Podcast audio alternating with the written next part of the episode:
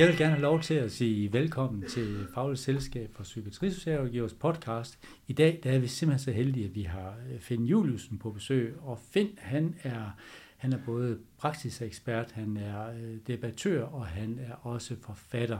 Og det er en forfatter af bogen, der hedder Recovery-orienteret rehabilitering. Velkommen til, Finn. Tak skal du have. Fantastisk, at du vil, du vil være her.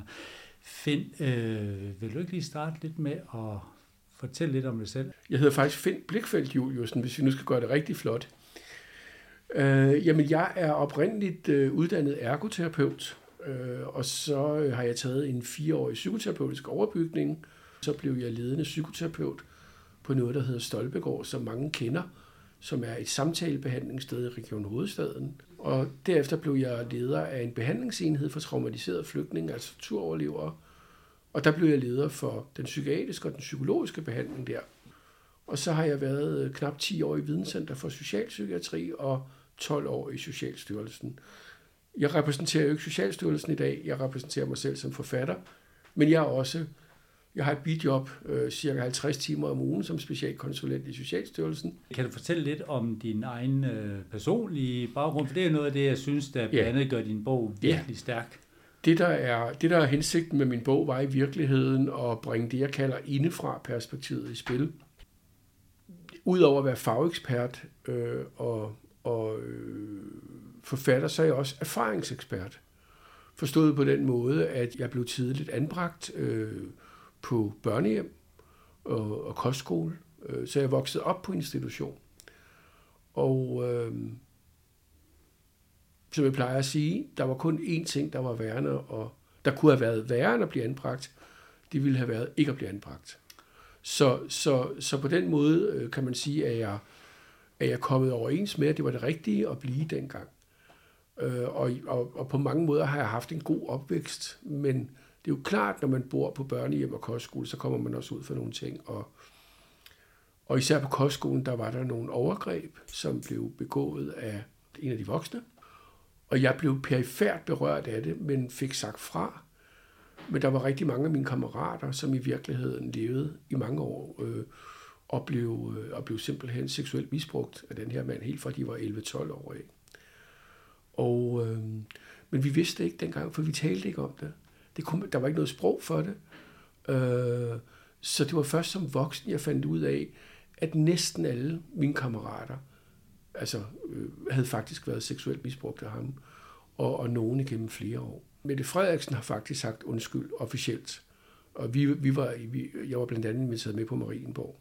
Øh, jeg valgte så ikke at møde op, men det gjorde mange af mine kammerater fra kostskolen. Så det er min erfaringsbaggrund. Jeg er erfaringsekspert, og grunden til, at jeg siger det, er i virkeligheden, fordi at den forskning, som hedder øh, forskningen i recovery, og forskningen i recovery-orienteret rehabilitering jo slår fast, at hver tredje borger i det her land får en psykiatrisk diagnose i løbet af, af livsperioden.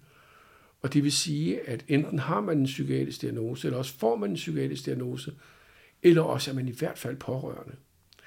Så der er ligesom ikke det her skæld mellem dem, der er erfaringseksperter, og så også andre, der er fageksperter. Det er meget kunstigt skæld, vi har stillet op imellem dem, vi hvad skal man sige, støtter, rådgiver og hjælper, og så os andre. Men alle har levet erfaringer, alle har traumer med i bagagen.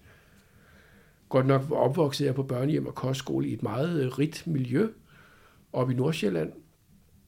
Øhm, og alle mine kammerater, altså på, da jeg boede på børnehjemmet, jamen de, øh, de boede jo i Rigemands hjem. Men jeg var den eneste, der ikke har fået tæsk i klassen.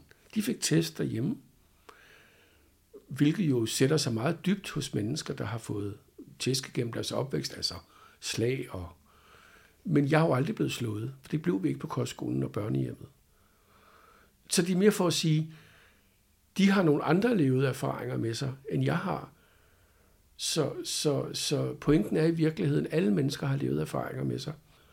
Og nu er jeg blevet 65 år, og hvis ikke jeg skulle stille mig frem som 65-årig med mine levede erfaringer, hvornår skulle jeg så stille mig frem? Min pointe er i virkeligheden, at når jeg stiller mig frem, så er det i håbet om, at der er andre, der også får lyst til at stille sig frem.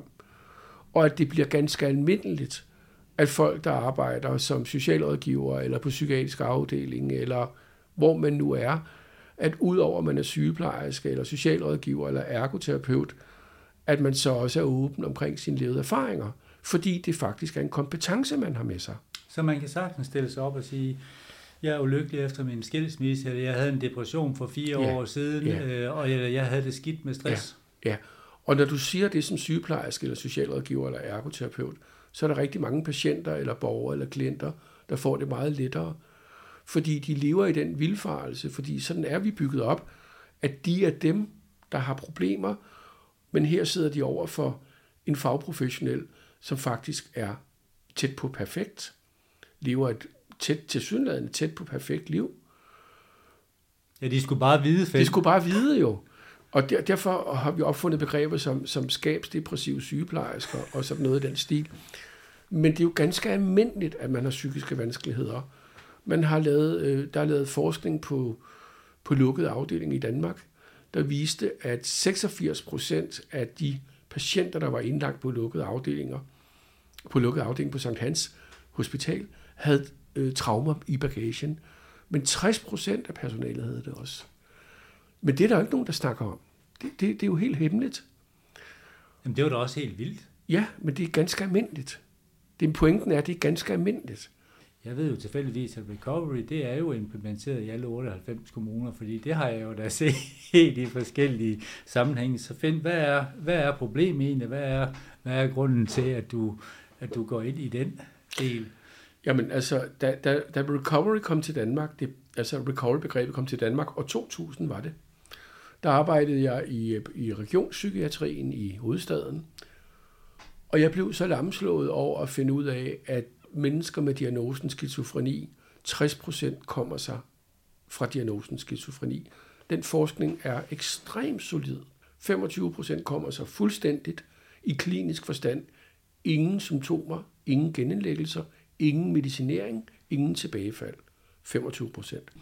Men det var i den grad en bombe i hele den systemverden, jeg sad i på det tidspunkt i hospitalpsykiatrien. Og jeg kan også lige tilføje, at jeg ja. lærte på den sociale højskole for nogle ganske få år tilbage, at den var uhelbredelig. Ja, så jeg var nødt til at forlade psykiatrien på det tidspunkt, for jeg kunne godt se det her recovery-perspektiv.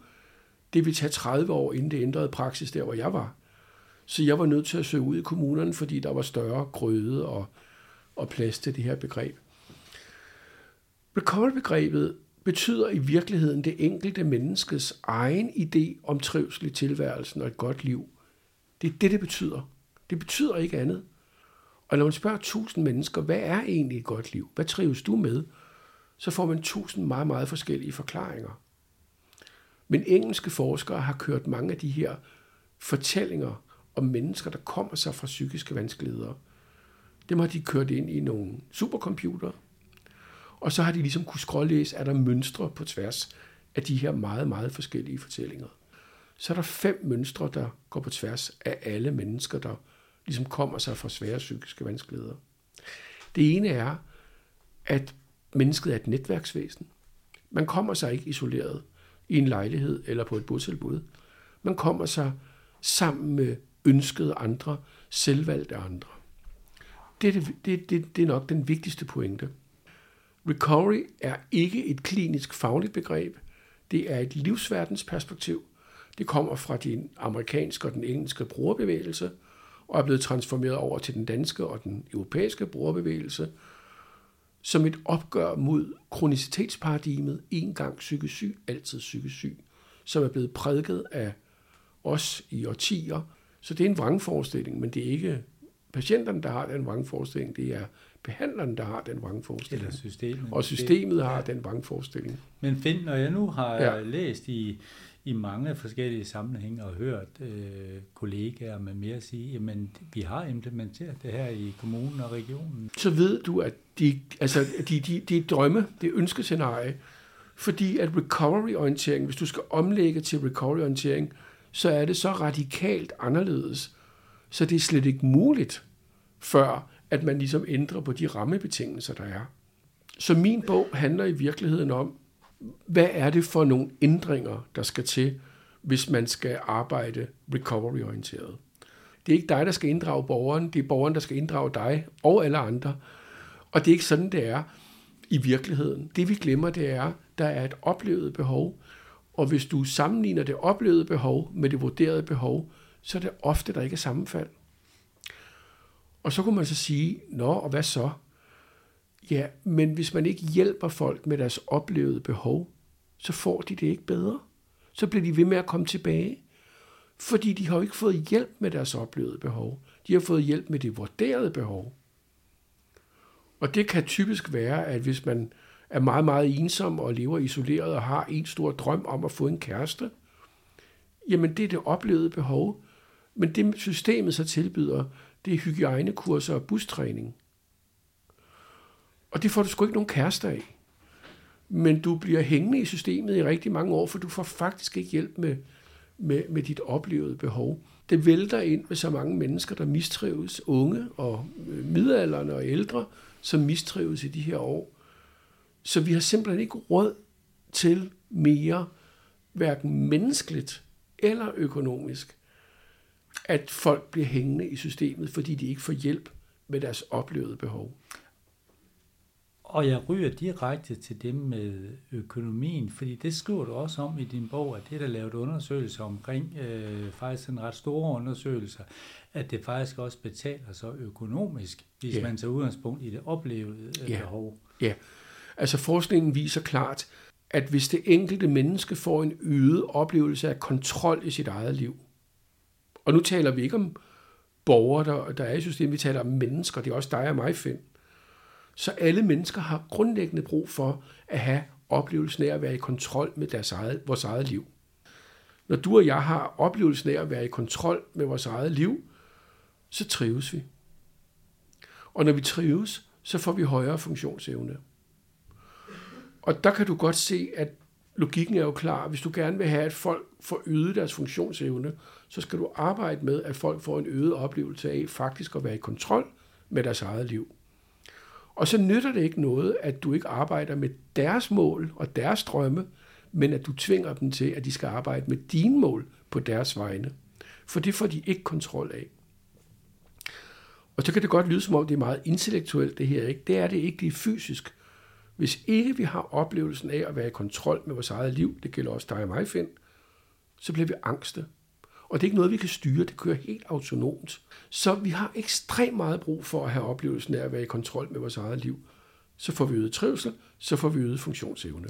Så kan man sige, at i virkeligheden så er løsningen jo så enkle. Og jeg tillader mig næsten at sige, er det bare det? Det er lige præcis, og det, er, det er bare det. Men det er et kæmpe skridt, fordi, fordi at hvis fagprofessionelle, hvis sagsbehandlere, socialrådgiver, ergoterapeuter og sygeplejersker skal give oplevelsen af kontrol tilbage til hovedpersonen, som jeg kalder borgeren, så skal man jo selv afgive kontrol. Ja, og jeg tænker at hvis man tager udgangspunkt i noget af det, du også beskriver med, øh, som man siger, nothing about us without us, mm. øh, altså det er da også lidt angstprovokerende for en gammel sagsbehandler som mig, at man dybest set ikke gør noget som helst, uden at det pågældende andet menneske er med indover. Lige præcis. Det er det, man, altså man, når man arbejder recovery-orienteret, i den, i, i, og det gør man øh, mange steder i Danmark nu, jamen så arbejder man ud fra mantraet nothing about us without us, intet om os uden os. Og det er brugerbevægelsens mantra. Og det vil sige, der er ikke noget, der hedder formøder og eftermøder. Når, når man kommer ind til sagsbehandleren, så, så møder sagsbehandleren mig som klient, men sagsbehandleren møder også mine selvvalgte andre. Det vil sige, at jeg har en 3-5 personer med, som er nogen, der er betydningsfulde for mig. Når vi kommer ind til mødet, så er der ikke nogen dagsorden på forhånd. Sagsbehandleren har ikke en dagsorden med under armen, men den bliver aftalt i rummet, og alle beslutninger bliver truffet i det rum, mens man er til stede. Udover det private netværk, er der også det professionelle netværk, så det er ikke bare dig, Finn, som socialrådgiver og sagsbehandler, jeg snakker med, hvis det nu vil eje, du var det. Det er faktisk også min behandler fra psykiatrien, som er med, og min jobkonsulent.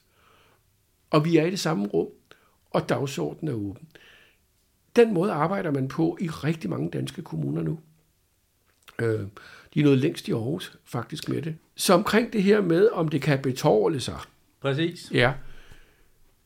I England er man nået rigtig langt med det, der hedder personlige budgetter. Og det betyder, at hvis borgeren kan lave en handlingsplan, som sagsbehandleren godkender, så får borgeren stillet det samlede beløb til rådighed, som vedkommendes rehabiliteringsforløb forventes at koste. Det kan være halvanden million. Det har vist sig at være rigtig win-win for alle parter. Flere mennesker kommer sig. Flere mennesker bruger ikke nær så mange penge, som de får tildelt. Sjovt nok. Og det viser sig, at de, de penge, de ikke bruger, dem leverer de tilbage. Der bliver altså ikke snydt med det her system. Og vi taler om 400.000 mennesker i England, der selv forvalter rehabiliteringsøkonomien. Med udgangspunkt i det behov, de selv oplever, de har. Med udgangspunkt i at få indfriet deres oplevede behov. Og når man får indfriet sit oplevede behov, så bliver man i højere grad helt eller delvist selvhjulpen. Altså det her med, at man som, som professionel i virkeligheden skulle tage og vise sig noget mere. Nu siger jeg på min egen ord lidt mere sårbar. Og så sige, mm. ved du hvad, jeg har selv prøvet at være depressiv. Mm. Jeg har selv oplevet det her. Mm. Eller jeg har også haft kærestesorg. Mm. Eller jeg har mistet en fæng. Altså mm. det her med, det bliver oplevet. Fordi jeg tror, det vil være angstprovokerende for, det vil det være. for mange. Det vil, det vil også være for mig. Jamen, det vil det være. Ja. Der er en grund til, at vi ikke går og, og skilter med det. Der er jo også en kraftig stigmatisering. Og hvis man afgiver for meget kontrol, så bliver man angst. Og det gælder også ergoterapeuter, sygeplejersker og socialrådgivere, der sidder i en myndighedsfunktion. Og jeg tror måske også, jeg vil tænke, at jamen, vil man så ikke se mig som værende lidt uprofessionel, hvis jeg nu pludselig sidder for tårer i øjnene og fortæller om en uh, traumatisk skilsmisse, eller at jeg har mm. haft noget? Mm. Jo, og du skal heller ikke sidde for tårer i øjnene, fordi det er jo ikke det, øh, altså, det, er jo ikke det jeg mener med at være åben du skal jo selvfølgelig være bearbejdet, det skal være, det skal være en åbenhed, når du får tårer i øjnene, det er, når du går, sidder i et rum og, og får behandling for det, eller samtaler støtte, men når du, hvis du indviger, øh, hvad skal man sige, klienter, øh, patienter, brugere i, at du selv har levet erfaringer, så, så er det, når du er blevet afklaret med det selv. Så hvad er det for et skuespil, at vi skal gå og lade som om, vi er så perfekte? Og når vi, lader, når vi lever det skuespil ud, så de mennesker, vi arbejder for, de bliver endnu mere uperfekte i deres egne øjne. Den der lille, jeg vil kalde det skizofreni mellem de perfekte og de uperfekte, den ødelægger recovery. Den hæmmer recovery. Og det vil sige, at de borgere, du møder, ved, tror, at du er glansbillede, eller også ved det, at du lyver. Jamen altså, det er, jo, det er jo det. Du virker ikke troværdig. Det bliver nødt til at være professionelt og være åben, og uprofessionelt og være lukket. Men der er en stigende bevægelse om, at det bliver set som en kompetence. Og jeg ved ikke, om du kender begrebet, der hedder peers. Men det er jo medarbejdere med levede erfaringer, sygeplejersker, ergoterapeuter og socialrådgivere, som står åbent frem med, at de har levede erfaringer. Det kan også være peers, som ikke har en faglig baggrund. I Region Hovedstaden for eksempel, der er det besluttet, der skal være peers ansat på alle afdelinger. Vi taler om lønnede peers. Alle seng, psykiatriske sengeafdelinger skal have ansat peers, og de er langt nede af den her vej. Og når man får peers ind, en socialrådgiver, som er åben om, at hun eller han selv har levet erfaringer, så bliver det lidt mere formelt ok at have levet erfaringer, fordi vedkommende er jo ansat og får løn nu skal du høre, Finn, vi har jo lige et lille hemmeligt spørgsmål. Hvis du nu øh, skulle beskrive utopia, et, øh, den ideelle, det ideelle samfund øh, i forhold til behandling af psykiske lidelser, og nu må du give den alt det gas, du vil. Det er så heldigt, at de drømme, jeg havde om et anderledes system for 10 og 15 år siden, og for 5 år siden, er begyndt at materialisere sig i Danmark også. Vi har person, mennesker, der får personlig budget herhjemme, som laver en handleplan, som øh, myndighed godkender, og så forvalter de selv deres rehabiliteringsøkonomi. Vi har evalueret på det, de går ufattelig godt med det. Der er ingen, der snyder. Der er, folk kommer i job og uddannelse, folk får det bedre af det. Vi ansætter peers, altså medarbejdere med levede erfaringer på, i hele socialpsykiatrien og på sengeafdelingerne i, i psykiatrien, hvor vi tidligere konsekvent koblede netværket fra, så inddrager vi nu konsekvent netværket vi laver ikke noget, uden netværket er med.